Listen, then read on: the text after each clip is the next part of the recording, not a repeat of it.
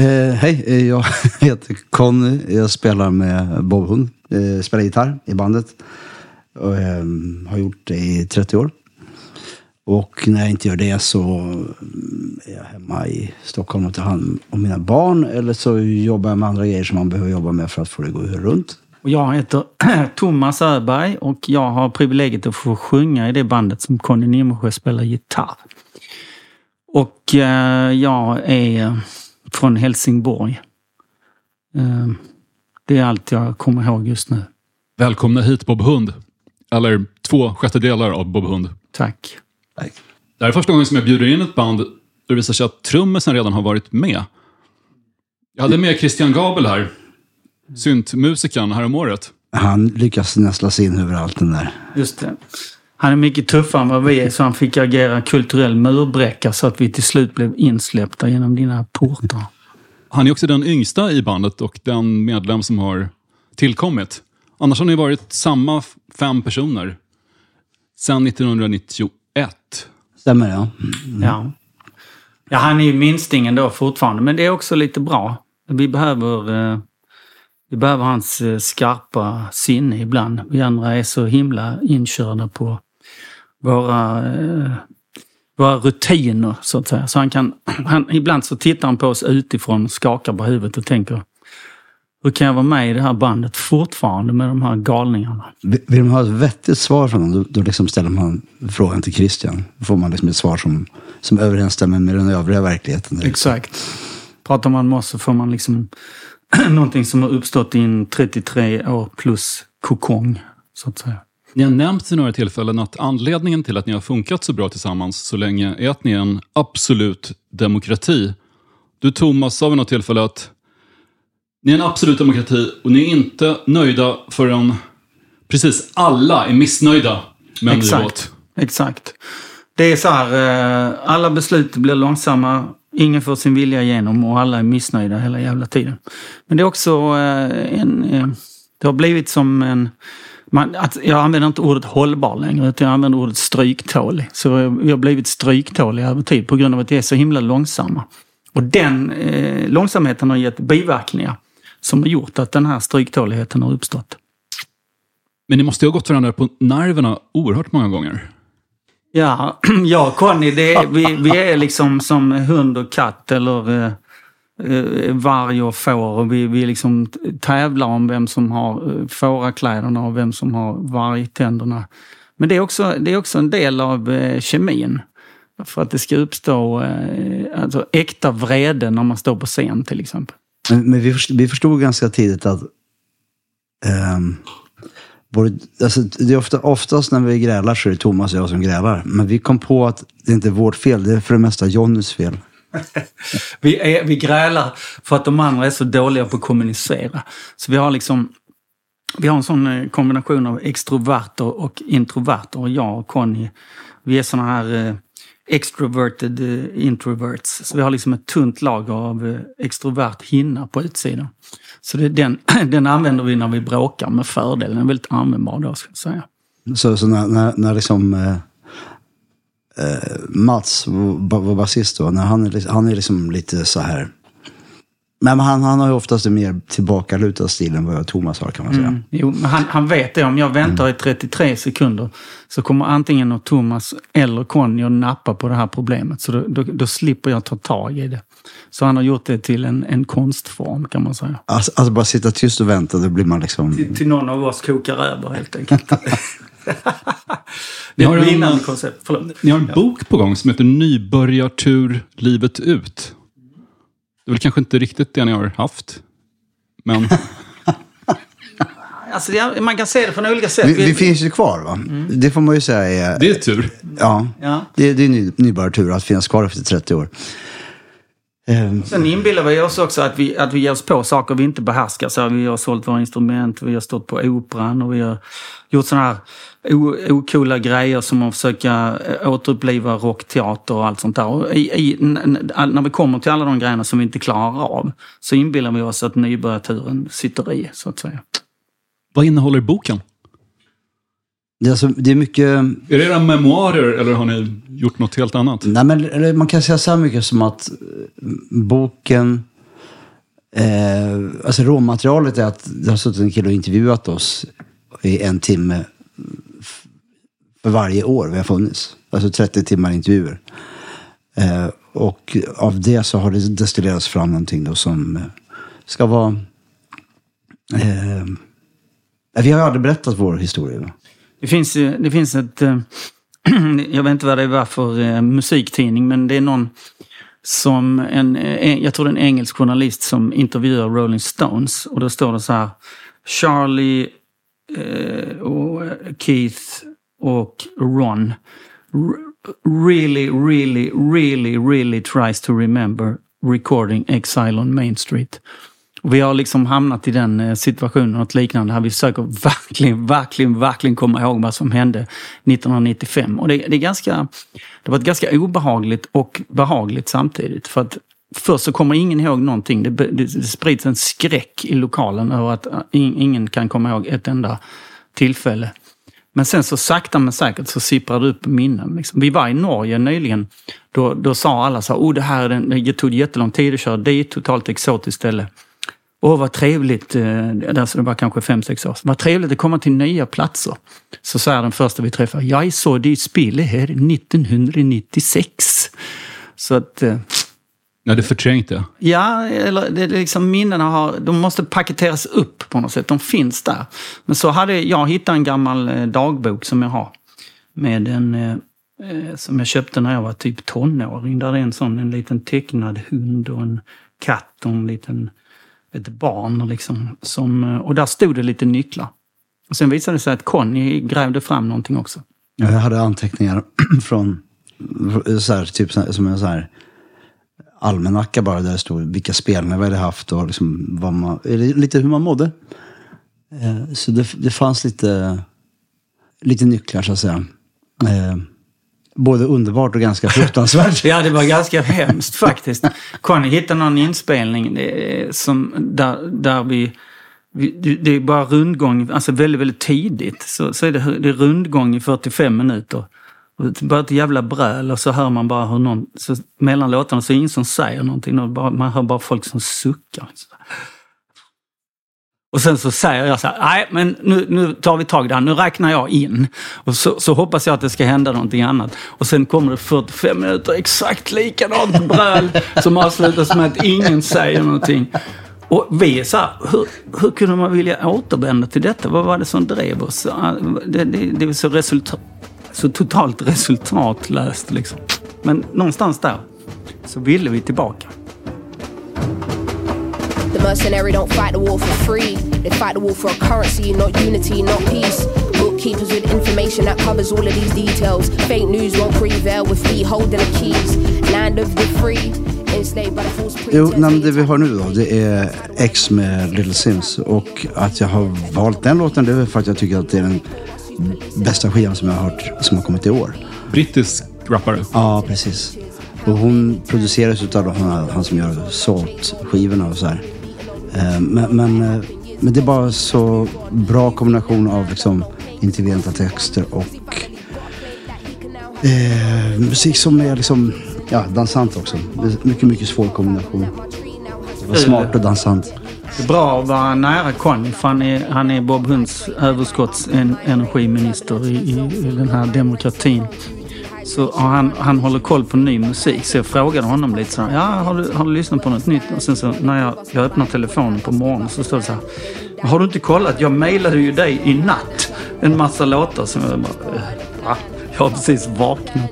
Men, men det är så att vi, vi är en bra kombination där. Det här är något som Conny har koll på. Det är fint. Set, 'cause when you're winning together, that's bigger than any check.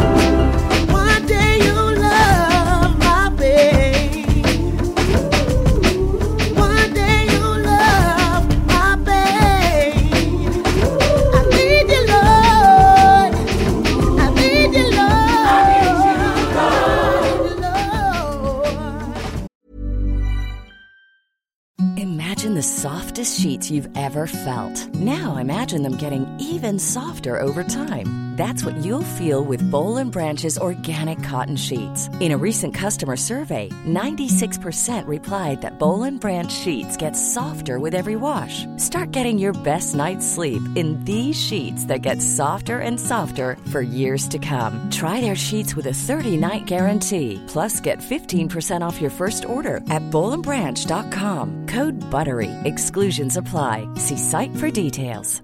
Cool fact a crocodile can't stick out its tongue. Also, you can get health insurance for a month or just under a year in some states. United Healthcare short term insurance plans, underwritten by Golden Rule Insurance Company, offer flexible, budget friendly coverage for you. Learn more at uh1.com. Quality sleep is essential. That's why the Sleep Number Smart Bed is designed for your ever evolving sleep needs. Need a bed that's firmer or softer on either side? Helps you sleep at a comfortable temperature? Sleep Number Smart Beds let you individualize your comfort so you sleep better together. JD Power ranks Sleep Number number 1 in customer satisfaction with mattresses purchased in-store. And now, save 50% on the Sleep Number limited edition Smart Bed for a limited time. For JD Power 2023 award information, visit jdpower.com/awards. Only at a Sleep Number store or sleepnumber.com. Satt och försökte googla efter vad det är för sampling hon har använt. De här vackra, nästan karibiska körerna i bakgrunden. Ja. Jag hittar ingenting. Nej, inte jag heller. Men det, men det känns ju som att det, det. En exotica-skiva av någon typ Ja, kanske. precis. precis. Men det är det är, det är skitsmart musik. Liksom. Det, den är jävligt effektiv. Eh, som... Eh, ja, men den förra skivan var mer, var mer direkt. Men den här var så här som att... I början var jag lite besviken. Men sen så, så har liksom, den har vuxit på mig. Vad var era första intryck av varandra när ni drog igång 1991? Jag vet att du fick vara med i bandet för att du hade en replokal. Exakt. Till en början. Ja. Men, men, men det, det, faktum är att jag träffade Thomas och Jonas innan dess. Alltså när Thomas och Jonas flyttade upp till Stockholm 1987. Eh, Jag vet att de tror att det var 1986, men det var det inte. Det var 87. Men, jag träffade Thomas Jonas första gången på ett bröllop. Eh, Det är typ det enda par jag fortfarande känner som fortfarande är tillsammans. Det, är Jonas och Malin och Alexandra och eh, John. Alexandra och John var det på deras bröllop? Ja, det var på deras bröllop. Och då, då var det som hade ni precis flyttat upp till Stockholm. Ni hade de här syntkläderna på er. Liksom så här, eh, kostym, vit skjort, svart, eh, vitt och svart och så här. Och, eh, och jag, ni var så lika så jag, jag, jag kunde inte känna så skillnad på er. jag, visste aldrig vem det var jag pratade med. Liksom. Det, eh, och sen så hamnade ni i samma replokal som jag då. Men vi precis. Ja, det, det är två saker jag vill säga. Det ena är att, att stockholmarna de har, de har samma liksom perception som, du vet när människor missuppfattar folk från, från andra världsdelar, så när man drar iväg med någonting sådär. Ja, de där ser ju likadana ut allihop. Så att de, stockholmarna tyckte att vi skåningar såg likadana ut allihop och lät exakt likadant. Så att ehm, de kunde liksom inte skilja oss åt. Men t- två jätteenergiska skå- Syntare skåne- från skåningar Helsingborg. Som, ja, som hoppade upp och ner, upp och ner hela tiden och Exakt. drack massa öl. Exakt. Och sen eh, nummer två då, det var ju att, att vi faktiskt lyckades manipulera Conny så till den milda grad att han fick göra audition för att bli medlem i bandet i sin egen replokal. Alltså att jag har gått i land med det, det är faktiskt en av de grejerna jag är mest stolt över i, i Bob Hunds karriär. Obegripligt. Ni nämnde förut att ni mådde rätt dåligt, verkar det som, när ni lyssnade på gamla inspelningar. Jag, jag kommer att tänka på en lång intervju som Jan Gradvall gjorde med er i tidningen Pop. Då du, Conny, beskrev er så här. Alla i bandet är egentligen mixväxter. Ingen av oss har någon vettig utbildning. Ingen av oss har gjort lumpen, ingen har ens körkort. När vi började prata med varandra var det en lättnad att träffa människor som mått lika dåligt som en själv. Ja, alltså, det här är ju 90-talet någon gång. va? 96 Så vi- tror jag Ja, precis. Så, som, och det, så, så där var det ju när vi träffades ganska mycket. Eh, men jag har ju inte den bilden nu direkt av att jag skulle vara någon slags eh, eh, misfit. Det, som, det, det, för, det förändras ju lite när man får barn och så här. Det kanske var tonårsangsten som satt i lite fortfarande. Jo, men, men, men, men, men, som jag beskrev verkligheten då, så var det ju då. Liksom. Men, de sista 20 åren, efter 2000 och så här, så känner jag väl liksom att... Men då har Ja, men det känns kokett för mig att säga att jag skulle vara en misfit nu. Va? Vi brukar säga till Conny, vi andra i bandet, så här, du har det bra hos oss. Så vi, vi har liksom tagit hand om varandra. Det här, eh, det här har säkert snott av någon annan musiker, men vi har i princip uppfostrat varandra. Alltså, Jan Essing sa varken god dag eller adjö när vi träffade honom. Han sa ingenting. Det enda jag kommer ihåg när jag träffade honom första gången, det var att det luktade så jävla mycket bakfylla i hissen när vi åkte ner till den här eh, replokalen. Och han, han, han, sa, han sa inte ett ord. Jag tror aldrig jag har hört honom säga någonting. Nej, I då, något då har du inte sammanhang. se- Men han, han, han har, jo men det har en gång. Han har en ganska ljus röst. Och talar ganska tyst. Ja, han, Han kan också ha en mycket mörk röst. Ja, han, han, ja. Alltså eh, nu när vi har gjort den här teaterpjäsen, det var ju folk som, eh, som såg, då har vi ju repliker allihopa. Och det var någon som eh, har känt honom sedan gammalt då. Och han sa det, alltså, ja, jag tror att Jan Essing pratade mer på den här stunden på scenen än han har gjort tidigare i hela sitt liv. Vilket är en total anomali för att vi, vi har ju gjort den här showen 20 gånger. Men det visat sig att han, har, han, han är otroligt välartikulerad och har mycket att säga. Men han var, han var som en stängd mussla liksom, när vi lärde känna honom.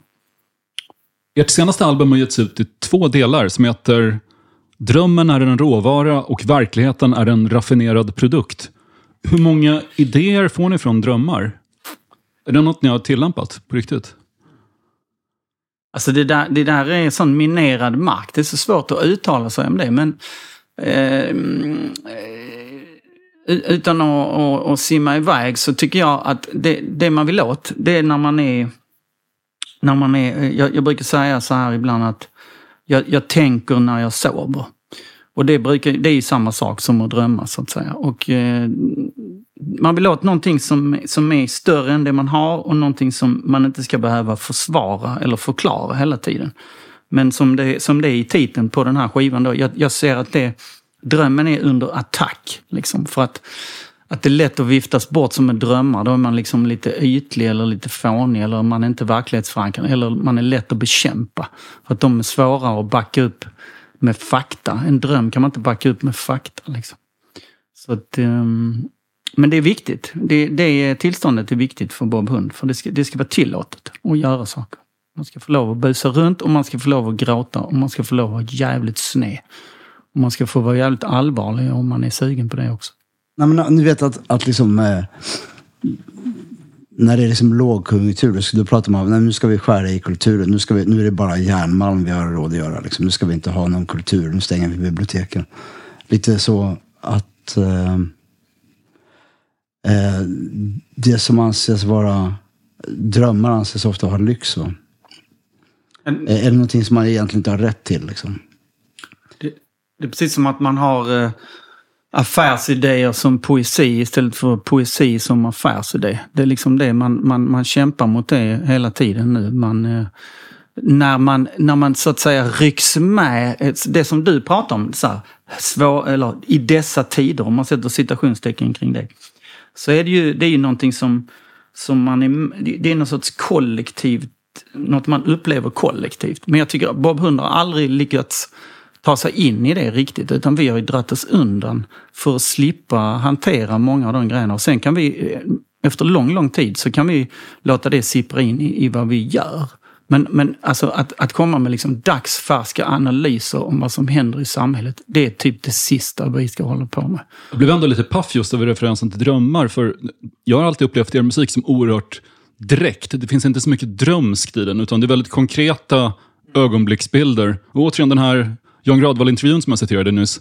Det, det finns något citat där av dig, tror jag Thomas, när du nämner att förr i tiden kunde rockmusik skildra bara en känsla som Titta på den här bilen, oj vad fort den går. Exakt. Och det var, jag tror du citerade The Cramps eller någonting. Exakt. Medan eh, sen på 90-talet, eller senare också, så handlar rockmusik mer om att analysera sina känslor. Det duger inte längre med oj kolla vilken tjej, hon är snygg. Nej, utan, precis. Det har något i... och det, det, här, det här direkta tycker jag att ni har haft också. Även om det är oklart exakt vad det handlar om så finns det något. Men den heter ju också Drömmen är en råvara. Råvaran är, ju- det är, så, det är också ett arbetsmaterial som, som eh, ligger till, till grund. Man måste om, liksom omvandla eh, för, för att hitta ett ämne, för att de låtarna är ju redan skrivna som du själv säger. Och det här självanalytiska, så här, ledsen man med gitarr, vi, vi är liksom förbi det.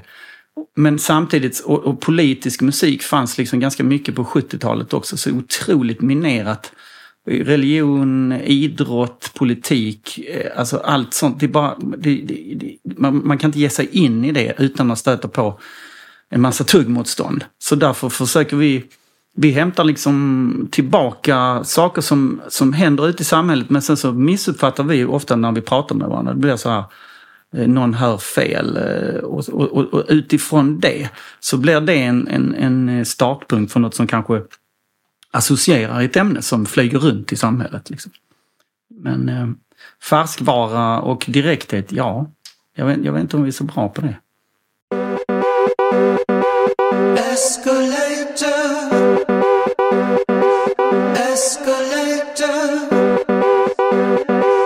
Escalator.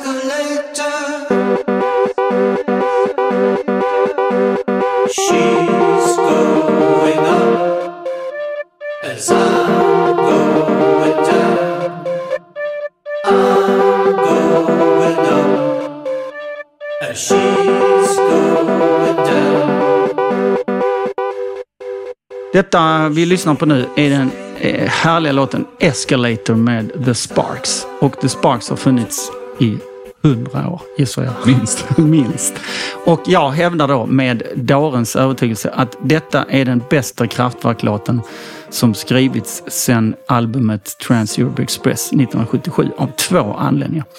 Dels den musikaliska, eh, melodiska formspråket och texten som är exakt det vi pratar om nu. Den är otroligt specifik. Den handlar om hissar som går upp och som går ner. Och som man, ena, eh, ena sidan kan man tolka det som att det går upp och det går ner i samhället. Eller så kan man tolka det som att hon åker upp, jag åker ner. Det, det är humöret och eh, till och med en gång i tiden har en hiss varit en teknisk lösning, så att säga. Och att tekniska lösningar inte alltid för oss närmare varandra. Utan när hon använder den tekniska lösningen, då åker hon ner. Och när jag använder den tekniska lösningen, då åker jag upp. Eller så åker hon upp och jag ner. Men vi är aldrig på samma våningsplan. Så att, eh, och den, den är från deras senaste skiva då, så det är en jävla bedrift tycker jag. Och den fantastiska titeln The Girl is crying in her latte. Ja, det är dagsaktuellt. Gratulerar.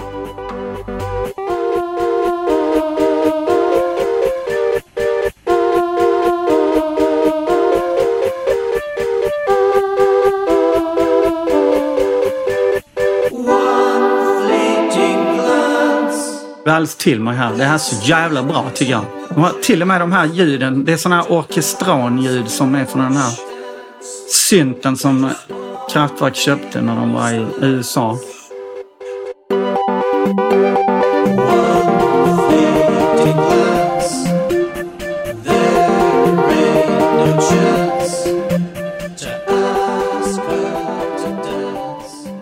Jag minns jag såg stora delar av Bob Hund på Cirkus 2004 när Kraftwerk spelade. Japp. Bra konsert. Var jag där? Ingen Vilket, år? 2004. Nej, jag såg dem tidigare. Jag tror inte att det Eller jag, jag vet, jag kommer inte ihåg. Ja, jag har Jonas, sett dem en gång på Cirkus. jag och Jonas var i Solnahallen 92, tror jag det var. 91. tror jag. 91, va? Och du kan det Ja, men jag minns det, för jag, Ja. jag var inte där. Ah. jag kommer ihåg det. Jag hade centralprov i matematik dagen Åh efter. nej, din stack. Och jag, ja, jag gick inte. Jag var skitnervös innan att det skulle vara lågt och dåligt och sömnigt. Men sen efter ett tag så sa jag till Jonas, fan jag har gåshud ända ner på hälen nu. Och det var så jävla högt i, i, just i Trans-Europe Express när de hade sådana här synkade bilder när tågen slog i varandra. Det är bara sån här metallbankning. Har du fortsatt gå även sedan Florian hoppade av? Eh, svaret är nej. Jag är nöjd. Jag vill inte, eh, jag vill inte förstöra det, jag, det fina jag och Florian hade tillsammans. Men det handlar lite om Alltså, att du vill inte gå på Way Out West. Florian Schneider, Eller alltså. hur? Du vill inte stå på så här jättestort Så ställe. jag är inte snobbig med det. Kraftverk kan man nog säga överallt. Men, Men om eh, de skulle uppträda utan Florian på, på Cirkus du fick en biljett, skulle du inte gå då? Vi riskerar att trilla ner i ett hål här.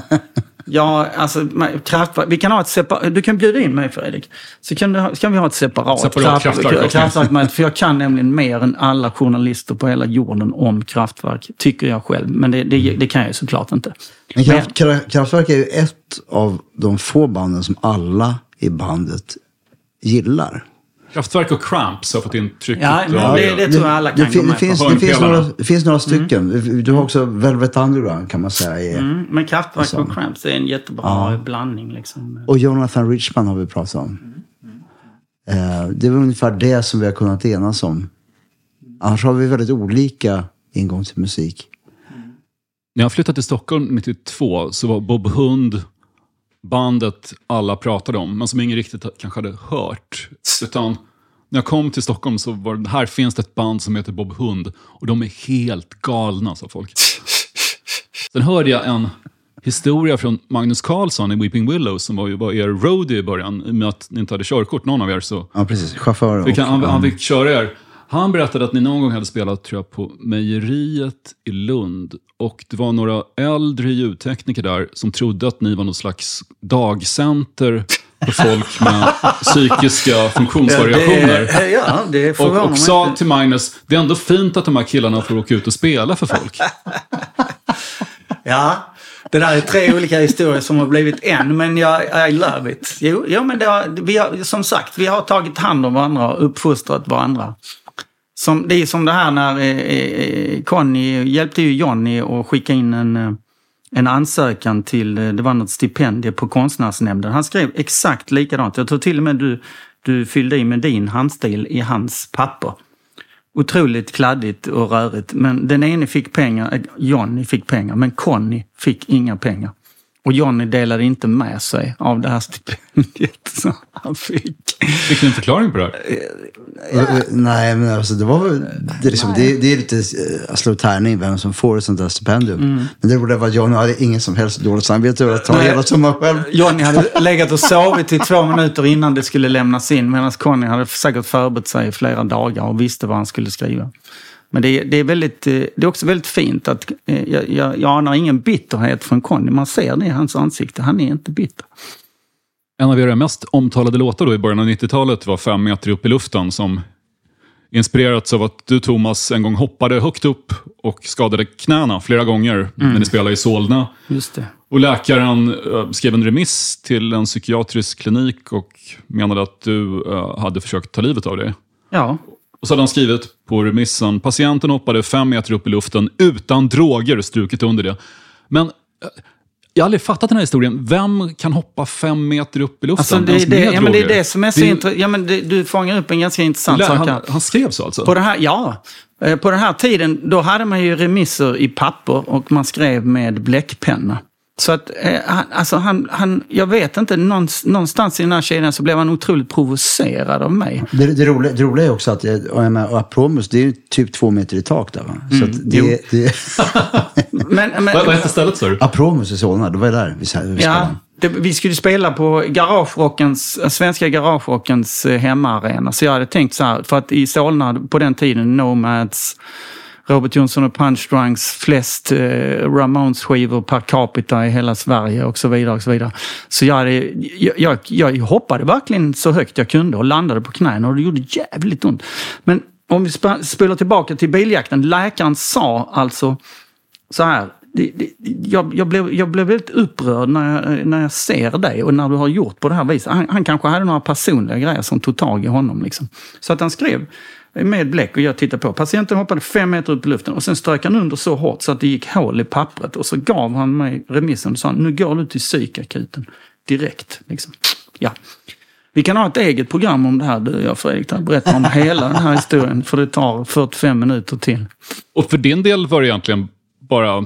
Ja, men du skulle spela på den svenska garagerockens hemmaarena. Exakt. Då gör, kör man Iggy Pop. Då kör man- då inte ger något man allt. Det- knasbeteende. Du, du gjorde ditt jobb Ja, ja. som rockartist. Man, man dyker som från en trampolin ner i en swimmingpool. Det var bara det att det fanns inget vatten i swimmingpoolen. Alltså jag, jag, gjorde, jag följde rockens regelbok, sida ett. Jo, men här, men här, här, har- här har vi också kanske då drömmen som krockar med Mm. någon form av, eh, vad, vad det är vi ska kalla verklighet va? Ja, men han, han såg det som sitt ämbete att stoppa den här typen av beteende. Och, han, alltså, och också så sa han ju typ så här också någonting lite mer överslätande i stil med du, du kan få hjälp med det här, lille vän. Men, men det, är, det, är- det, är- det är lätt att skratta åt i efterhand. Men, det är Ja, klart att det- du måste ha varit jätteskärrad när det här hände. Du, du trodde att någon skulle släppa bort dig Ja, som tvångströja? jag var jätterädd. Ja.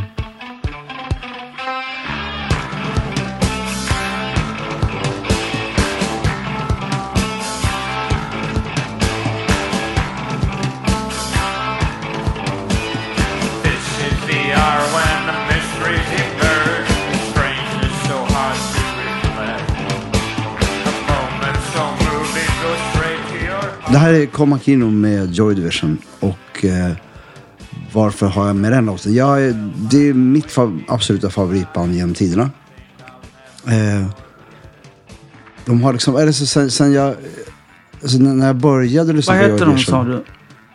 Nej, förlåt. När, när, jag- när jag började lyssna på dem så var det som att jag, jag, jag, den första skivan jag hörde var Closer.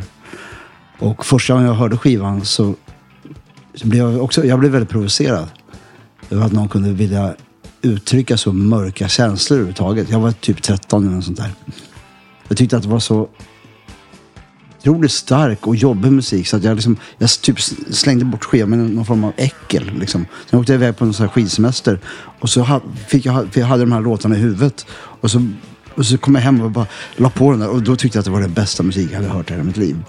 Du tvättade händerna innan du la in den i garderoben. Liksom. Ja. men det är spännande. Men så, så, så det, det, det, det, var uppfattar som, musiken som smutsig. Ja.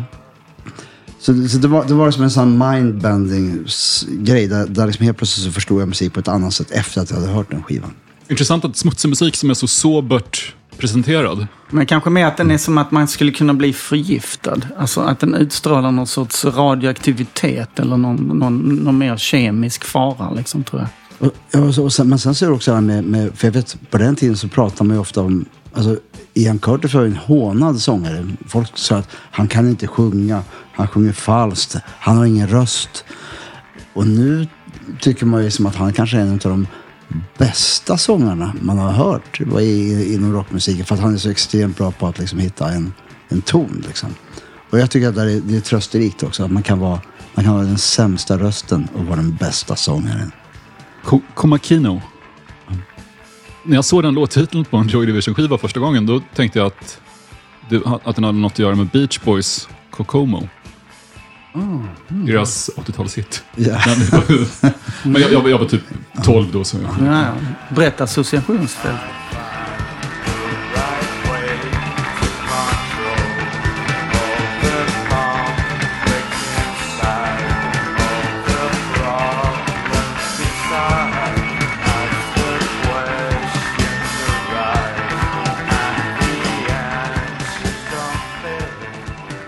Tal om brittiska band så har Blur gjort comeback. Deras gitarrist Graham Coxon var väldigt besatt av Bob Hund i många år. Är det sant att han även försökte faktiskt bli medlem i bandet? Det är, det är, det är dåligt Nästan. för myten att poängtera. Alltså, vi träffades eh, och han, han ville spela med oss. Men jag vet inte vad det var med honom. Han, han var ruskigt bakfull den dagen tror jag. Eller sjukt nervös på något sätt. För det var alltså... Det, det blev... Eh, han sa så här, jag, jag har tagit ut min trampolin. Vi skulle spela på eh, Münchenbryggeriet.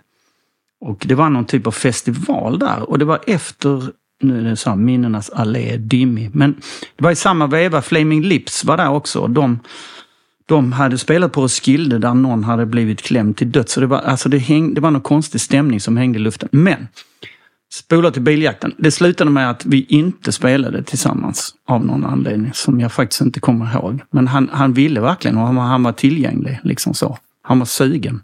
Jag tror inte han ville bli medlem, men jag tror han ville vara med och köra min trampolin. Ja, men... eh, Vilket han har gjort Han, sen. gjorde det, han har gjort det Sen. sen. Ja. Sen. Eh, Han har framfört en person. Han, han hade väl en svensk flickvän va? Mm, När det begav sig. Jag tror att det var så han eh, fick upp ögonen för oss. Eh, och, men så han, kör, han kör ju den här på någon slags... Han sjunger den på svenska när han kör Någon den sorts live. fonetisk svenska har han ju spelat in min trampolin. Och brukade köra den live. Jag har någon kompis som stod i en pissoar i Glastonbury där han hör liksom What? Då kommer den. Och det var ju inte bara han, det var en hel del folk i England och andra länder som var väldigt intresserade av Bob Hund. Märkligt nog kanske mer intresserade än vad de var sen av ert internationella projekt Bergman Rock. Just när, ni- det. när ni skulle erövra världen Ja. Exakt. Där, och där, sjunga var- på engelska. där, där blev det ju så att när, när vi kom dit och sjöng på, på, på engelska då, då, då var ju de här Blur där i lokalen. Men, men då, då tyckte ju de att liksom lite av det här exotiska gick förlorat. Där, va? Det förstod man ju ganska snart. Snygg journalistisk övergång här måste jag säga till att leda in det på Bergman Rock. Vi, vi brukar kalla det the band that nobody dared to love. Not even the members, inom parentes. Nej, men när jag lyssnar på eh, angående att må dåligt när man hör... Alltså, Bergman Rock var ju så här att... Alltså lyssnar man på musiken så finns det jättemycket kvalitet på båda skivorna. Men det enda man som bandmedlem minns det är att det tog åtta år att spela in skivan. Och den kostade otroligt mycket pengar att göra. Och vi, när vi skulle liksom Alltså skivbolaget hade räknat med att det ordnar sig, det är okej. Vi säljer ju alltid 30 000 ex i Sverige. Och, och vi lyckades ju tajma skivsläppet med att Napster slog igenom. Så skivförsäljningen dalade ju så 90 procent samma vecka. Nu, nu låter det som vi försöker förklara, precis som Sven-Bertil Ta- Taube sa att hans eh, skådespelarkarriär i USA inte blev av på grund av oljekrisen. Jag, jag vet inte om det hör ihop riktigt, men... men, men skiv, skivbolaget satt i alla fall så här, nu, nu, nu är vi i radio, så jag sätter händerna för ansikten. Och, de hade ju lagt alltså, miljonbelopp på den här skivan och den såld, vad sålde den? Typ 5 000 ex. Ja, lite mer. Jag tror, hade vi sålt så många skivor som vi sålde då, som ansågs vara en katastrof, hade vi nog legat etta på alla listor för att folk köper inte så mycket skivor. Men det var väl den tiden då ni hade börjat tjäna lite pengar med bandet Ja, också? på Bob Hund 90-talet. hade gått bra under 90-talet. Sen 90 slutet av 90-talet så hade ni för första gången pengar och kunde leva exakt. på det. Alla, Ja, alla utom Johnny då. ja, eller ja, Johnny hade lite pengar också. Men han Det- fick väl ett stipendium? Ja, Mm, alltså, men men, men, men jag, det är en annan historia. Men John, Johnny hade Det var ju ett år när vi fick väldigt mycket Stim-pengar. Eh, Stim gjorde ett misstag. De betalade ut dubbelt så mycket Stim-pengar som alla skulle få. Till alla medlemmar. Det är helt otroligt. Tänk så här att, att det är en ganska stor summa. Så att, jag vet inte hur många miljoner det är de betalar ut. Men, men det är datafel. Så att de skickar ut den dubbla summan till alla människor. Och eh, en vecka senare så kommer det liksom ett, ett brev från Stim. Hej, vi har gjort fel. Var snäll och betala tillbaka hälften av summan som ni fick förra veckan. Och hur väl tror du att bandmedlemmarna i Bob Hund hade förvalt, förvaltat de här pengarna? Ja, det var ju så här! Vad gjorde ni då? vad, vad, vad brände ni pengarna på? Eh, jag, jag, För Johns del så var det tre trasiga mopeder och tre trasiga stereoanläggningar, tror jag. Eh, för 100 000 eller något sånt där. Jag tror folk tyckte att de hade väldigt mycket pengar. Det, det diskuterades ty- typ så här, varför kan man inte köpa ett nytt kök på en flygplats eller någonting i den stilen? Så, här, så dyrt som möjligt, så snabbt som möjligt. Och så impulsivt som möjligt. Så då försattes vi liksom i, i kollektiv skuld där. Alltså alla, alla, som inte, alla som hade gjort slut på sina pengar. Då, det- vi kunde inte betala de pengarna. Så då tänkte ni, okej nu måste vi slå utomlands så vi kan betala tillbaka stimpengarna. Därför Bergman Rock. Nej, det var, det var, Bergman Rock var helt enkelt för att eh, vissa av bandmedlemmarna tyckte att vi var liksom... Hör nu här, nu, nu börjar det vissa...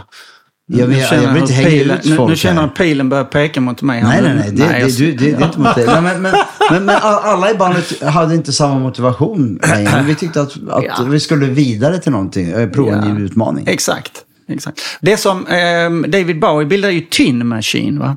Så att eh, det, det är samma... då han sjöng på svenska. Exakt. Det är samma relation mellan Bob Hund och Bergman Rock som det är mellan David Bowie och Tin Machine. Det var liksom ing, jag tror inte någon gick och längtade efter det utom en, möjligtvis två personer någonstans. Och vad de hade för argument, det är oklart. Men trots dålig kritik så ledde ju faktiskt Tin Machine till att Bowie någonstans fick tillbaka sin kreativa glöd. Medan ni snarare kanske förlorade ert momentum. Ja, så sk- man skulle kunna säga det så, men, men samtidigt... Man ska vara väldigt pessimistisk. Ja, exakt. Eller så framar man det på ett annat sätt. Att Conny, det han säger att vi, Bob Hund hade ju kört för fulla, vi hade ju tryckt gasen i botten sen, sen, alltså sen början av 90-talet. Det där 91 som ni pratar om, det, det, ibland så inbillar jag mig att bandet bildades långt tidigare. Men vi var lite, vi var, vi var behov av att, att ladda om kanonen. Liksom. Så att Rock är den perfekta voodoo-dockan som man kan liksom blamea allt som Bob Hund inte gjorde. Och det är jag väldigt glad för. Thomas, jag pratade med dig i fjol om Bergman Rock, för jag skulle föreläsa under Bergmanveckan på Mm. Just Fårö. det. Just det. Ja, Jag gjorde en lista över tio popkulturella Bergman-ögonblick och då var Bergman Rock med. Då beskrev du Bergman Rock som att ni fick kämpa som fan helt i onödan. Det var som att ta energi och hälla ut den utan att någon brydde sig. Men jag är stolt över att jag har gjort det. Det var som att rulla en sten upp för en kulle när ingen kollar. Lite Sisyfos-myten. Ja, ja, ja. ja men det är, jag har någon sån destruktiv överskottsenergi i mig ibland. Och ibland när det är, det, det, det är väldigt bra, alltså, precis som folk hugger ved när de är förbannade. Så var det någonting med Bob Hund som, som vi inte kunde bemästra längre. Då tror jag Bergman Rock kom in som det perfekta svepskälet. Men det, det finns en sak man kan berätta. Va? Eh, runt den här tiden, eh, 99, 2000, 2001 däromkring, så har ju vi liksom en egen lokal då, som, ligger i det här, som låg i det här gamla Filmstaden i Stockholm. Där Ingmar Bergmans forna privata visningsrum var det ju. Det som var vår replokal. Eh, och där hade vi en inspelningsstudio också. Eh, och vi hade äh, Daniel Skotte som var vår liksom, ljudtekniker och producent som repade med oss liksom, varje dag där egentligen. Eh, vi, vi var aktiva typ fem dagar i veckan. Och spe, på den här tiden så var vi ju som en... Vi bodde i samma stad. Vi, vi jobbade otroligt mycket och det, det, det blev väldigt mycket material. Som är, liksom, är, som är ganska bra. Så, och vi hann liksom inte ta hand om alla idéer vi hade. Och vi var liksom på ett sätt, som Nille Perne som eh, producerade en skiva med oss där, kom in utifrån. Han sa ju så här, Hund är inte ett band, det är en sekt. Och han hade ju lite rätt i det. Alltså, vi, var, ju- vi var ju extremt närsynta individer. Alltså, på, vi, vi levde ju bara i det vi gjorde liksom, på den tiden. Och det var både underbart och fruktansvärt. Jag är fascinerad av den här blandningen av kompromisslöshet och aningslöshet. Mm, jag tror de, eh, de bor nog väldigt nära varandra om du tittar eh, noga. Så det, det, jag tror det hör ihop väldigt mycket. Att det är svårt att vara kompromisslös om man, tar, om man har tentaklerna ute och är för empatisk så att säga när man jobbar i grupp. Så, så, alltså bara få, om vi, om vi får ett kort ögonblick, att bara få sex personer att dyka upp i sam, när det gäller Bob Hund samtidigt, att göra samma sak samtidigt, det är en enorm ansträngning. Och när vi adderade detta till att detta dessutom skulle ske utomlands, då, då adderade vi nya parametrar vi överhuvudtaget inte kunde bemästra. Du nämnde en spelning i Berlin som inte gick så bra. Åh gud. Ja, vi åkte ner och, och i hun, vi åkte buss i hundra år för att spela på någon eh, festival som var väldigt väsentlig just då. Och sen när vi hade stått på scen typ i 20 minuter då, då, då, då står det en tysk ljudtekniker och gör det här skära av halsen när man drar handen fram och tillbaka. Det, hur, många- hur, många- hur mycket folk Jag är i publiken? inte, jag vet inte. Det är inte många. Nej, men i alla fall. Så vi gick av scenen då för att det, det här såg väldigt allvarligt ut. Och så kom han in och så sa han Sorry, I, I looked wrong on the watch. Eh, Here, have a beer. Och så tog han en öl och vår ölback och gav till mig och så sprang han därifrån. Och sen åkte vi hem igen och så ingen förstod vad som hände och alla var jättebedrövade. Så vi fick, vi fick 20 minuters speltid istället men typ, för eh, ja. 40. eller- Ja, ja och vi skulle, break, vi skulle knäcka Tyskland liksom på det här tillfället. Sen flyttade jag från Stockholm efter det.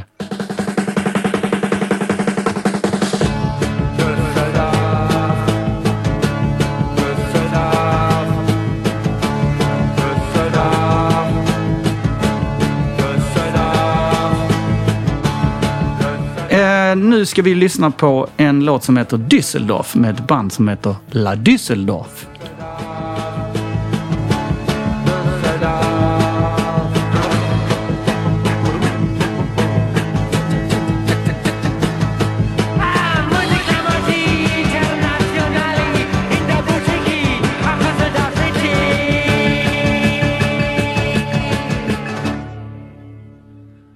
Ausdinger alltså. Mhm. Bandet han startade efter Neu. Exakt. Och allra först var han med i Kraftwerk. Som Exakt. trummis ett tag. Ja. Han har gjort många rätt, men han är tydligen helt omöjlig att ha att göra med vad jag förstod. Jag har sett någon dokumentär. eh, Har du sett Jakob Fruséns fantastiska Ja. The Heart is a Drum? Exakt, Det är exakt. en av de bästa musikfilmer jag sett tror jag. Jag såg om den nyligen och blev helt tagen av den. Ja, håller med. Hans romans med den här svenskan och hur han startar ett band för att vinna henne tillbaka. Är, är de inte norska? Jag, Ja, det må ja, ha ja, hänt. hon väl- hänt. hon Ja. flyttade till Nor- Norge i alla fall. Ja. Men, Just det, så. Mm, En svensk tjej som flyttade till Norge. Är hon norsk? Är hon svensk? Mm. Det var också ett par bröder där som var, eh, de, de stimulerade, de var som föregångare till Oasis-bröderna där. De, eh, de grälade ju liksom konstant med varandra och hade ju inte alls samma, och precis som de här eh, bröderna Davis i Kinks. Så man, man hör, det finns en sån punkig, vresig spänning i den här musiken också. Men Och det är så- lång och omöjlig är den också. Ja, I, I love it. Men det är så roligt när han söker upp den här norskan eller svenskan på slutet där ju.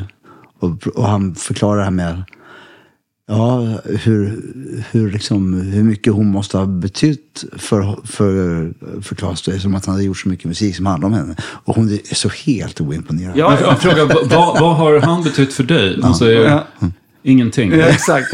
Men det är det här kompromisslöshet och omvärldsanalys. Det, det går liksom inte hand i hand om man ser det ur ett affärsperspektiv. Här. Den Klaus Stinger-intervju som hörs i den filmen gjordes av Michael D, en svensk journalist, och den publicerades sen i tidningen Pop, där jag jobbade på 90-talet. Och då hörde Klaus Stinger av sig och ville ha några ex av tidningen när intervjun kom. Han hade inte gjort några intervjuer på åratal.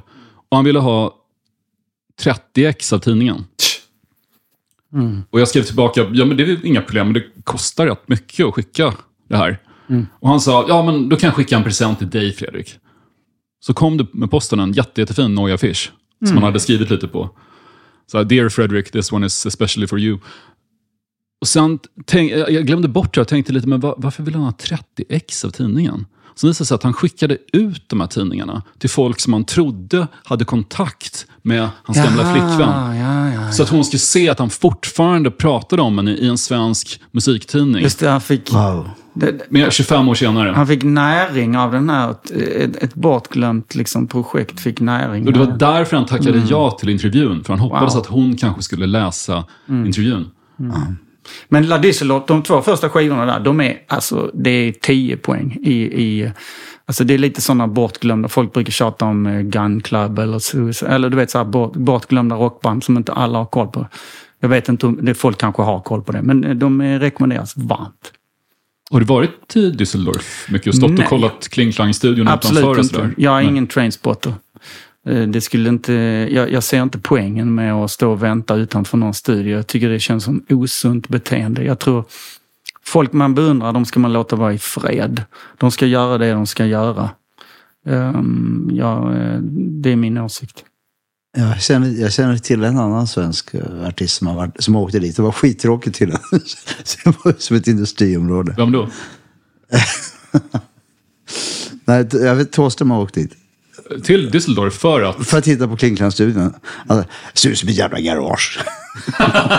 Men vad heter han? eh, Jag, jag, däremot, jag, jag, jag är bekant med Mobile Homes, svenska syntbandet. De har åkt dit och spelat in ljud från tågstationen. Ja. Mm, jo, men det har någon form av konceptuell eh, funktion. Men vad heter han som var med i Visage? Han som var DJ? Han, Steve Strange. Nej, inte, inte han, utan eh, trummisen. Jag kommer komma på det sen. Men han, han eh, gjorde ju sån jackpot. Han skulle bara åka till Düsseldorf och köpa skivor. Så typ så här, här träffade jag Ralf och Florian på ett café. Det finns en jättebra dokumentär som handlar om den här Blitz Club. Jag, jag kommer komma på vad han heter snart. Så att man, han hade ju tur då. Eller vad man ska säga. I sin trainspotting. Den av era låtar som jag nog har citerat mest är istället för musikförvirring. Det är någonting med det uttrycket som jag, jag använder det emellanåt. Om något går åt skogen eller om Mhm. Ja, man ska ja. spela skivor någonstans och sen funkar det inte. Då, Mm, Okej. ehm, och den låter är någon slags manifest. Där du sjöng Gamla moster fosterland, du har retat mig ibland. Därför spelar jag i band, därför krossar jag min hand. Mm. Får- gamla låtar av den typen en ny betydelse med åren? Eller Ja, är det som att ni försätter er i det tillstånd ni var i när de skrevs? När de Nej, men, är framför dem nu? Alltså det lustiga är att eh, den har en profetisk eh, innebörd. För att den här, att den krossade handen, den blev verklighet många, många år senare.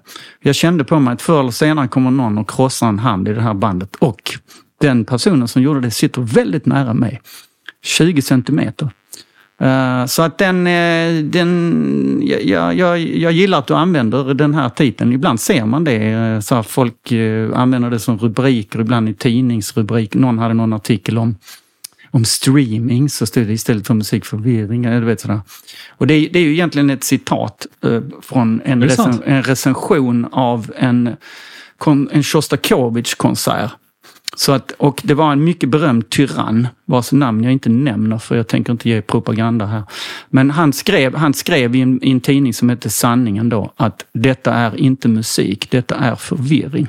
Och efter det var Sjostakovitj livrädd för att nästa gång han öppnade ögonen så skulle han ligga nergrävd under marken.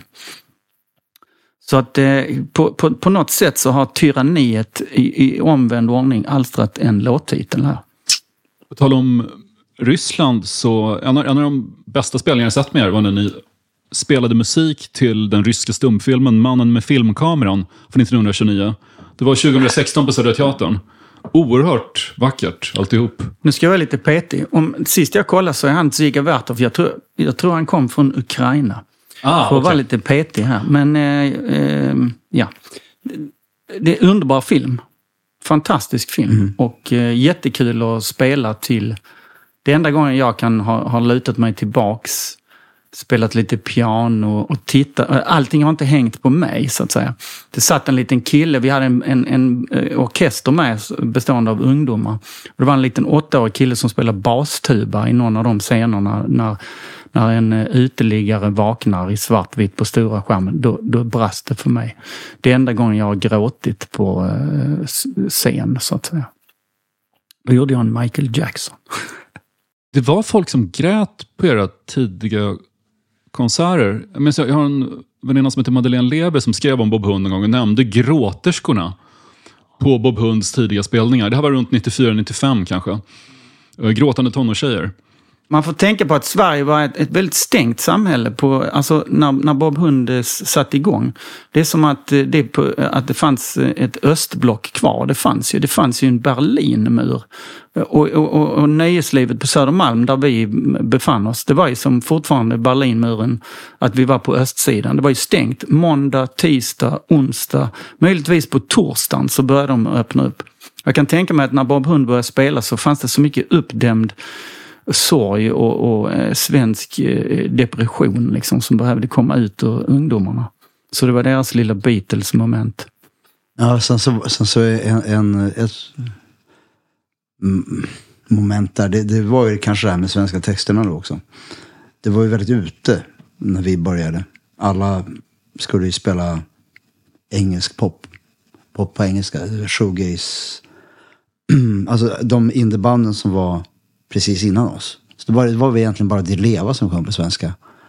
Alla andra sjöng på engelska. Så det var ju lite... eh, inte hört på ett par år. Eh, jag vet inte om det bidrar till att man... Så, så grät de för att de kände att det var bra men de förstod inte vad sångaren sjöng. De, Nej, det visste, var att det var på sven- de visste att det var på svenska men de kunde, de kunde inte urskilja orden.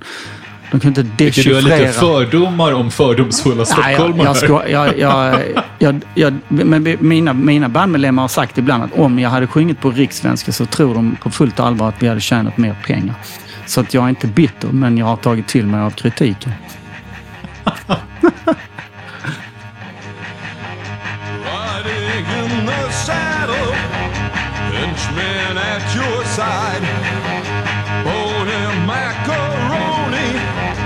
You on your back, and the. Det här är ju liksom eh, kapitlet eh, musik som kunde fått ett bättre öde. Alltså, vi brukar säga att, eh, Zombie Birdhouse med Iggy Pop är liksom en av världens bästa dåliga skivor. Liksom, för, för den är liksom som att man förstår när man hör den här skivan vad han ville göra. Men man förstår också varför det har gått helt åt skogen. Liksom. Den, är, så, så det här är musik som vi ofta lyssnar på för att den ger oss ganska mycket... Alltså ofärdig musik ger en mer inspiration än alldeles perfekt musik många gånger. Life of Work heter den här låten. Japp. Bra titel.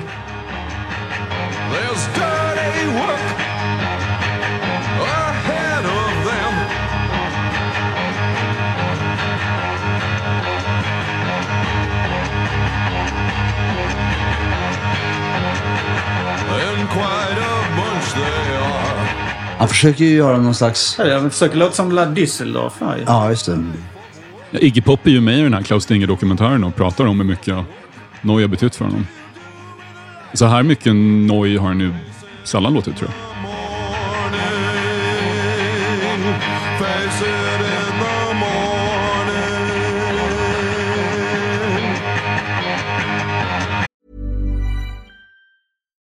One size fits all seems like a good idea for clothes until you try them on. Same goes for healthcare. That's why United Healthcare offers flexible, budget friendly coverage for medical, vision, dental, and more. Learn more at uh1.com.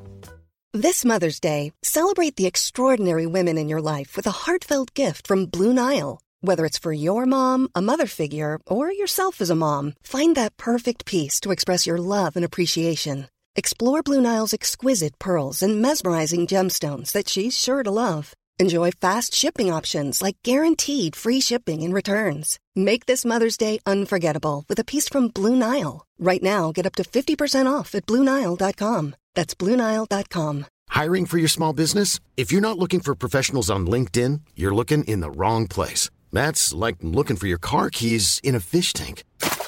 LinkedIn helps you hire professionals you can't find anywhere else, even those who aren't actively searching for a new job but might be open to the perfect role. In a given month, over 70% of LinkedIn users don't even visit other leading job sites. So start looking in the right place. With LinkedIn, you can hire professionals like a professional. Post your free job on linkedin.com/people slash people today. Hur var det att um, tolka I wanna be your dog på Polarprisgalan häromåret? Vi försökte ju återvända, alltså vi vet ju att han gillar Bo Diddley. Och Bo Diddley var ju stora för Studios. De har ju flera, den här 1969 och Little Doll och allt vad de heter. Deras tuk tuk tuk Exakt, kadunk, dunk, dunk, dunk, dunk. den rytmen liksom som låter som ett tåg som kommer flygande. Så var det första vi fixade. Så att vi liksom lät vissa av de melodierna eh, hämta tillbaka det. Va? Så att han skulle fatta den hälsningen. Sen har på inspelningen så har vi också lite sådana vi har ett sånt John Cage-stämt piano, det vill säga det är en massa muttrar och skruvar i det så att det låter som Alltså John Cage då, konstnären, han, han ville liksom göra uppror mot flygeln för han tyckte det var ett borgerligt instrument. Så han slängde in eh, muttrar och skruvar så det låter mer som sån här eh, ba- balinesisk gamelan-musik när man spelar på den. Så det la vi in också, för vi vet att Iggy Pop gillade John Cage. Eh, att de var inspirerade av hans ljudexperiment i ett tidigt skede. Och sen var det bara att försöka, eh, du vet, vad heter stället? Där det, bara, det är det finrummet liksom på Grand Hotel, det är Vinterträdgården. Ja. Och det, det, som är, det som är lite lustigt här va. När Bob Hund spelade sin första konsert inför eh, publik där vi fick betalt. Det var i Daily News i Kungsträdgården. Och då satt det folk och åt när vi spelade. Och eh, för övrigt så trampade jag en gravid kvinnas pyttipanna på den konserten. Men det kan vi hoppa över. Och, och, Blev, blev hon extra arg eftersom Nej. hon var gravid och hungrig? Nej, Hennes- nej, inte henne, men hennes kille.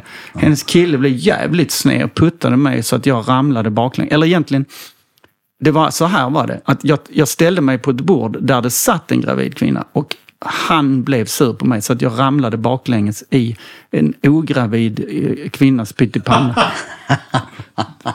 Men, men historien har liksom förenklats. Eh, så att... Eh, men, och Det sen- var, det var två kvinnor inblandade. En Ja, det var gravid, två kvinnor som satt. Ja. så, två par som satt och åt. Alltså, vi pratar om 10 centimeter från scen. Helt bisarrt. Och då, nu ska jag säga ihop det här. Eh, bara några hundra meter därifrån, trett, över 30 år senare, ligger alltså den här vinterträdgården. Och på slutet så eh, går, eh, försöker jag krypa bort till pristagaren då och säga hej. Liksom. Och då sitter det folk och äter. Eh, VIP-gäster som, som desperat sitter och skär i en, i en pilgrimsmussla. Så att jag ser att det finns någon form av cirkulär händelse där. Så jag hade skitkul, för att svara på frågan. Men du ramlade inte ner bland pilgrimsmusslorna? Nej, det gjorde jag inte. Nej, men det, det jag var under sak- bordet man- man- för, för säkerhets skull. Och du gick fram till Iggy också? Ja. Och han kysste din handske? Tvärtom. Eh, han, eh, han slängde fram sin hand som du vet, eh, för vi pratade också om Mae West. Jag vet att han gillar en amerikansk skådespelerska som heter Mae West som var otroligt kaxig. Um, uh, hon, eh, hon, alltid när hon kom in i ett rum så liksom lät hon bara, handleden vara slapp. Så här kom hon in med den först och så lät hon männen kyssa hennes hand. Så när, när, i slutet av det här tordönet som eh, Conny och John höll på med, då, då liksom försökte jag brotta mig förbi den amerikanska ambassadören och vem det nu var som satt där. För att liksom göra närkontakt av tredje graden. Våra ögon möttes. Ljuv musik uppstod och då, då slängde han fram handen som eh, Mae West. Men eh, tv-kamerorna missade det så att det blev liksom ett läppstiftsmärke på hans eh, lilla hand. Så gick det till. Det här är inget jag brukar berätta men jag tänkte eftersom vi ändå var inne på området så. Men, eh, men sen kan man väl säga så här att eh, det här med att ge sig ut i publiken, det var, du har blivit lite, blivit lite bättre på det. Men det var ju mycket benbrott i början. Ja, Vi, vi, vi gjorde så här stage dives.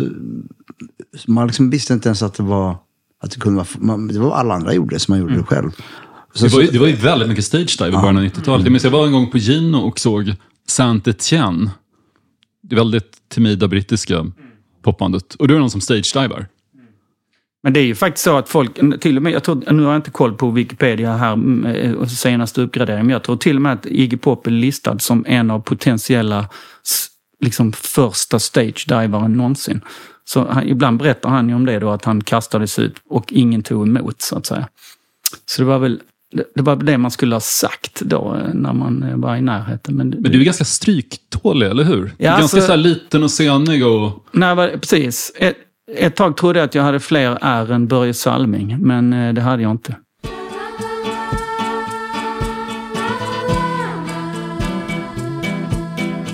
Det här är en eh, brasiliansk eh, Jor och Erare Humanum Est.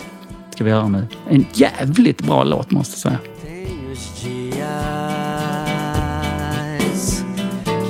Acordo pensando e querendo saber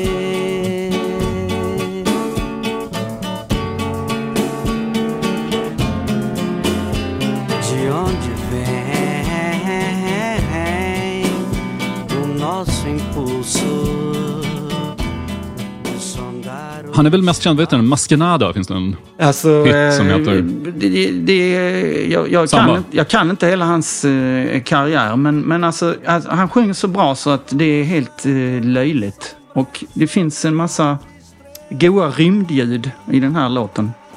Ehm, texten handlar tydligen om att eh, han sjunger om astronauter och rymden. Och det, och det är ju också tidstypiskt. Det här är ju 70-tal antagligen och folk har liksom precis varit på månen. Och nu så sipprar det då in i popkulturen. Och vad han dillar om här och huruvida eh, eh, liksom, eh, gudar har varit astronauter eller inte, det, det kan, jag inte, kan inte gå i god för. Men låten är jävligt bra. Du skrev till mig att det påminner lite om storyn i Ridley Scotts Prometheus. Exakt. För det är precis i början, det glömmer man lätt bort för det blir jättespännande och actionladdat sen. Men första inledningen, första kvarten är jättekonstig. Man fattar ingenting. Ja, men anländer en av Det de kommer här... eh, stora precis. figurer som ser ut som för stora människor. Som liksom typ skär halsen av sig själv och liksom pollinerar vattnet på något sätt som gör att... Och då det- skapas liv på Exakt. jorden. De Eller delar- män, människan skapas där. Exakt, exakt, exakt. Och eh, han måste ha lyssnat mycket på den här låten för han, han dillar på ganska Men kraftigt. Kan, kan du portugisiska så att du förstår vad Nej, han sjunger? jag använde en teknisk lösning igår som översatte texten för jag hade faktiskt ingen, ärligt talat ingen aning. Men det finns ju en sån, finns ju tjänster nu också som ska tala om för en vad, vad texter betyder. Med hjälp av eh, ny teknik. Men eh, jag kom, den, den förstod inte det. Men jag läste på lite då, så att det, det handlar om... Eh, och, och varför, jag, varför jag kommer in på det här området via den här låten, det är inte kanske det första som eh, jag tänker på att jag sitter och lyssnar på hemma, men den, den stimulerar den sidan. Jag, när jag var liten, alltså det låter helt otroligt när man tänker på det, men bland det mest upphetsande man kunde se på TV, jag är född 1967, det var alltså en svartvit Blixt Gordon total cliffhanger tv-serie där eh, eh det, det, han håller på att bli skuren i två delar av någon typ av laserstråle. Och, och, och rymdskeppen, så här, röken kommer typ rakt upp bakom rymdskeppen. Alltså det är helt eh, total lågbudget fastän det var Hollywood-grejer. Och det, och det sitter i fortfarande. Jag, jag, det, rymden är någon sorts det, det är någon sån klyscha på att i science fiction, då, då, då får man lov att hitta på sina egna regler. Så här, det är ingen som kan liksom överbevisa en om teorier som någonting ska hända om 10 000 år. Typ. Ni, ni gjorde ju en cover på en fin rymdlåt, Tout petit la planète med Exakt. Plastic Bertrand. Mm, en som, exakt. Eh, Det är ett tacksamt tema men otroligt lätt att virra bort sig. Det är lätt att det blir total, eh, totalt fiasko. Men eh, ja, en låt jag rekommenderar alla att lyssna på två gånger.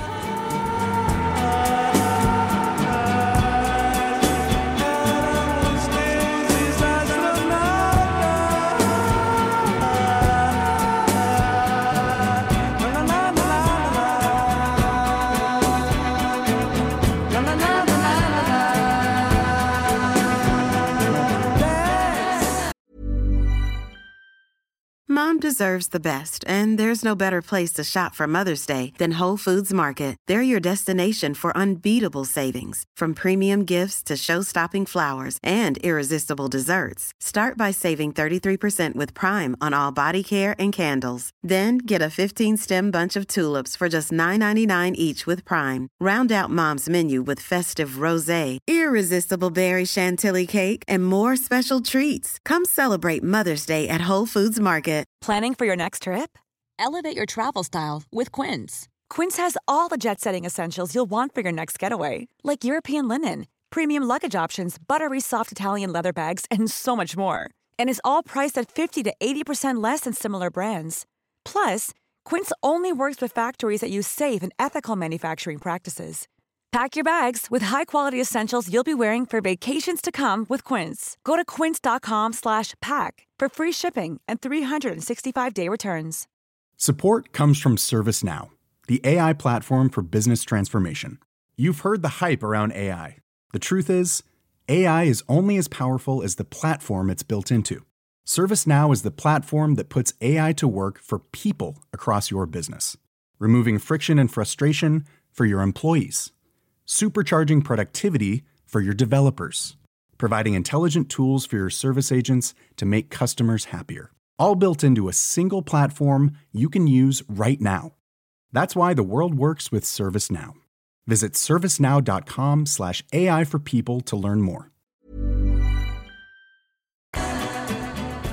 En industrirockfråga, Conny. På ditt soloalbum Skönheten och oljudet så listade du Björklund och Kastenhag Bygg AB som kompmusiker. Exakt hur bidrog byggfirman till musiken? Var ni där och hämtade skrot och grejer? Nej, alltså de byggde om hemma hos mig. Och jag, Jaha, jag, spel, jag spelade in okej. ganska mycket hemma eh, av den skivan. Så jag, jag mickade helt enkelt upp eh, trapphuset när de höll på och. Eh,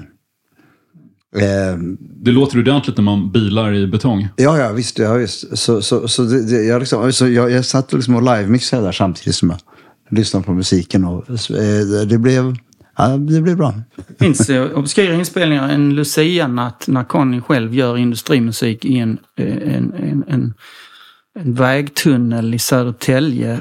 Inspelat på, alltså det är ett primalskrik med maximal distorsion. Det är fruktansvärt skrämmande ljudbild som säkert någon gång kommer att höras. Så Han, han har en lång tradition av att eh, eh, väldigt lyhörda öron för buller och väsen, oväsen skulle jag säga. Jo, men jag, jag, jag blev... Jag hörde eh, industrimusik första gången 1983. Liksom, jag tror att det var någonting med Throbbing Gristle först.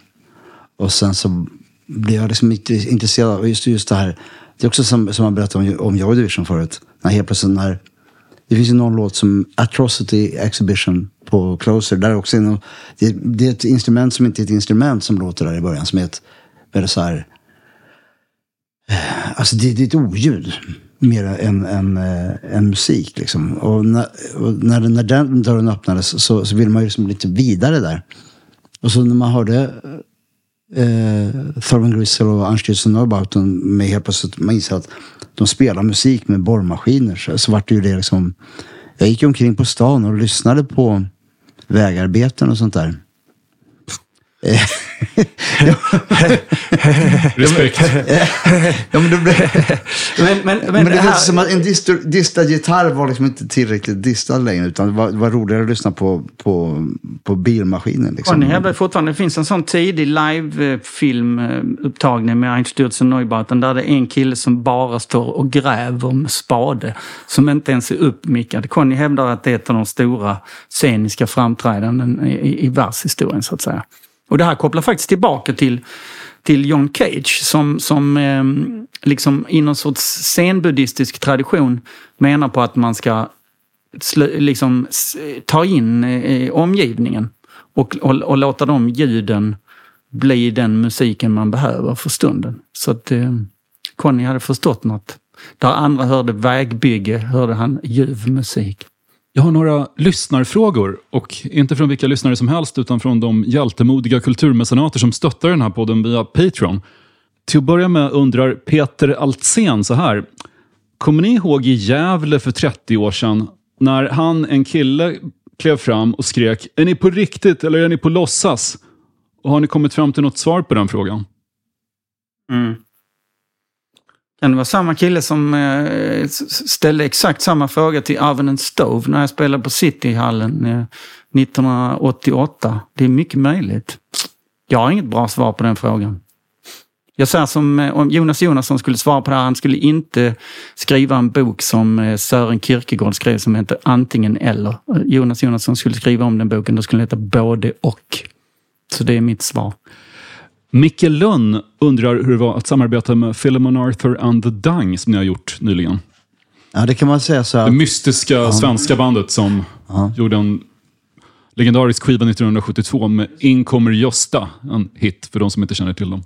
Då, då, ska han veta att samarbetet går till så att, att eh, filmen sk- skickar en tape till oss anonymt. Eh, det är inte så att vi umgås. Vi vet fortfarande inte vilka de är. Folk har utmanat mig på fyllan och, och hävdat att jag skulle erkänna att jag var med i filmen 18 Dang. Det startade när du var fem. Exakt, varpå jag säger att det, det, är en, det är en fysisk omöjlighet. Jo, men jag tror det ändå. Så att det, det, det, vi lever i en, en värld där just lite hemligheter och mysterier är fantastiska. Och filmonater är ett stort mysterium. Men vi spelade in en cover på en, deras låt Får jag spy i ditt paraply?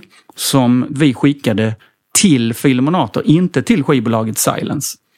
Varpå de eh, liksom tipsade skivbolaget om oss. Så sedermera så ledde vårt samarbete med Silence, eh, alltså det, det kom egentligen initialt från Filmonater and the Dung. Alltså, vi skickade en demotape innan vi hade gett Ja, ut en skiva. ja, ja, ja. 1992 Mm, eller mm. Och mm, för att följa upp den här mytiska lilla sagan. Vi hade ett Bob Hund-museum i Helsingborg. Oklart för mig vilket år, det kan vem som helst kolla upp. Och när vi städade undan, då hade, då hade någon eller några i Filmonaten the Dang släppt ner ett kuvert bakom en soffa. Där de tackade för en, en fin utställning. Så att Eh, det var liksom närkontakt men ändå inte av tredje graden. Och när de gjorde den här reinkarnerade exakt som förut, den, den hörde vi... Det finns ju en film, eh, en tidig Bob Hund-film som Martin Kahn gjorde. Och Dan Sandqvist. Mm. Eh, och där finns det en sekvens där Nikolaj Stenstrup, dansken på Silence Records, sätter på en bandspelare eller om det är en CD och spelar upp den här covern som de har spelat in. Och det var ingenting som vi kände till. Ingen aning om Vi, det. vi, vi blev bara så "Ah! vad, vad är det här? Och det är den andra låten som är på B-sidan där då. I, på, eller A-sidan. Ja. Och ska man vara lite utåtriktad här så finns ju den, för de har gjort en nyutgåva nu då av den här vinylskivan och då finns den med som en 12-tumsskiva där den ene tolkar den andra och den andra tolkar den ene. Så till slut så slutar den här sagan lyckligare än den började så att säga. Men, men, de, men de är ju också sådana band som är intressanta för att de spelar ju som in musik då med kakburkar och akustisk gitarr. Rullband, tandbärgare med sån här... eh, Det, det är så här som att, man, att, och, och det de får ut ur det där, det är ju faktiskt ganska häftig musik alltså. Det, det är också inspirerande liksom, att man kan göra så pass mycket med så lite medel. Johan Karlsson undrar hur ni kom på ert bandnamn. Hade Bob en hund? Han. Den här historien, den, den, är ju, har vi fått, den här frågan har vi fått så många gånger så att den, är- den är ju, man somnar lite när man berättar. Ja, men vi, vi ska ändå, vi, nu ska vi resurrecta den för att den kommer ju tillbaka hela Ja. tiden. Det var, ska jag? Du kan börja. Jag kan börja. Mats och Johnny hade slarvat bort alla sina pengar. Så var det. Och de Väldigt tidigt. Ja. Redan kvällen innan hade de slarvat bort alla sina pengar. Och så dagen efter så satt de tillsammans och tittade på TV. De hade ingenting bättre för sig. Och då ska det finnas en seriefigur i rörlig bild om en hund. Som vi fortfarande inte förstår vad, om de har hittat på det eller vad den är. Och John har berättat att den här hunden går omkring och är slokörad och har blivit av med jobbet, blivit Ja. av med flickvännen. Och blir nedstänkt av bussen, är nerregnad och, och den här hunden ska heta Bob. Och då är det någon av dem som säger så här, men eh, Bob hund, säger någon då. Och så, men vi har fortfarande, alltså ärligt talat, jag, jag rycker till, jag skälver lite av obehag fortfarande när jag hör det här bandnamnet. Alltså jag har inte riktigt vant mig. Efter mer än 30 Nej, nej, jag bearbetar detta fortfarande. Jag, jag ty, det är inte riktigt vad jag hade tänkt mig. Nej, alltså, massa, figuren som Martin Kahn har ritat, den är ju 10 av 10. Ja. Men namnet, alltså det är ju så fruktansvärt jobbigt när man ska träffa folk som inte... Alltså vad gör du för någonting? Ja, man är på någon bröllop och de vet inte vem man är och så här. Jag spelar, spelar musik i ett band. Ja, vilket band då? Det. Det går liksom inte att Så- säga. Det, finns, det är bara Ja, det, mjuka ja, men det, det, det är väldigt svårt att konsonanter. förklara. För det, det, var, det, det, det var associerat med en tid där liksom de, de två fick agera reklambyrå och knäcka den här nöten. Liksom. Eh, Det, det, det, det, det är mycket med associationerna som gör att man ryser av obehag. Slutligen har vi en fråga från en lyssnare som heter nästan likadant som den första låt ni gav ut på skiva. Han heter Edvin Arleskär. Fantastisk fråga. Kan man få lista till spelningen ikväll? Är punk? Eh, ehm, Ja, nu sänds ju inte detta samtidigt som... eh, Eller när sänds detta? Det, det dröjer några veckor. Ja, okej. Så, men- Mm. Ja, då blir det ju svårt vilken spelning man svarar på då. Alltså rent teoretiskt skulle jag säga ja. Men praktiskt vet jag inte. Vi, måste, vi, vi ber få återkomma i ärendet. bo- var bor Edvin Ja. I Stockholm tror jag. Aha. Nu ska vi se, han är 28 år gammal står det här. Han är alltså två år yngre än låten. Mm. Tänk om han är döpt efter honom. Och punk. Mm. Ja, Edvin, vi vet inte hur detta kommer att sluta. Syftar vi på kvällens spelning när den här sker? Den här... eh, Vänta, han har skrivit till spelningarna ikväll eller imorgon har han skrivit här. Ja, ja, ja. Så han Men- menar alltså här Antingen på, eller. Här på Hasselbacken. På Hasselbacken tror jag. Han ger oss en Ikväll. valmöjlighet. här. Mm. Antingen eller. Mm. Han låter oss undersöka detta. Mm. Det, dörren är inte helt stängd. Den är inte, gästlistan är inte fullsmockad med celebriteter redan. Så att det finns ett potentiellt utrymme för en punk stockholmare. Det känns som att Edvin har medvind. Kanske. Kanske.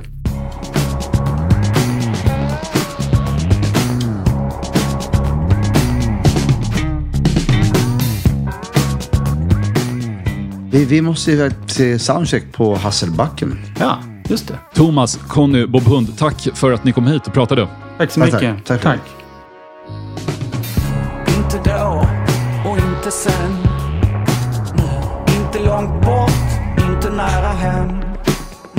Inte upp och inte ner i tid. Den här podcasten producerades av Daniel Bäckström för Lejon Media. Thomas Öberg och Conny Nimmersjö från Bob Hund var hemma hos Strage. Sekunder som springer, En är den enda maskin du behöver. Kyssar som öl smekningar som frustrerar. En nutidsmaskin är den enda maskin som verkligen fungerar. Och här kommer ett uh, slutmeddelande. Edvin Arleskär fick gå på Bob Hund. Så tack Thomas och Conny för gästlisteplatsen.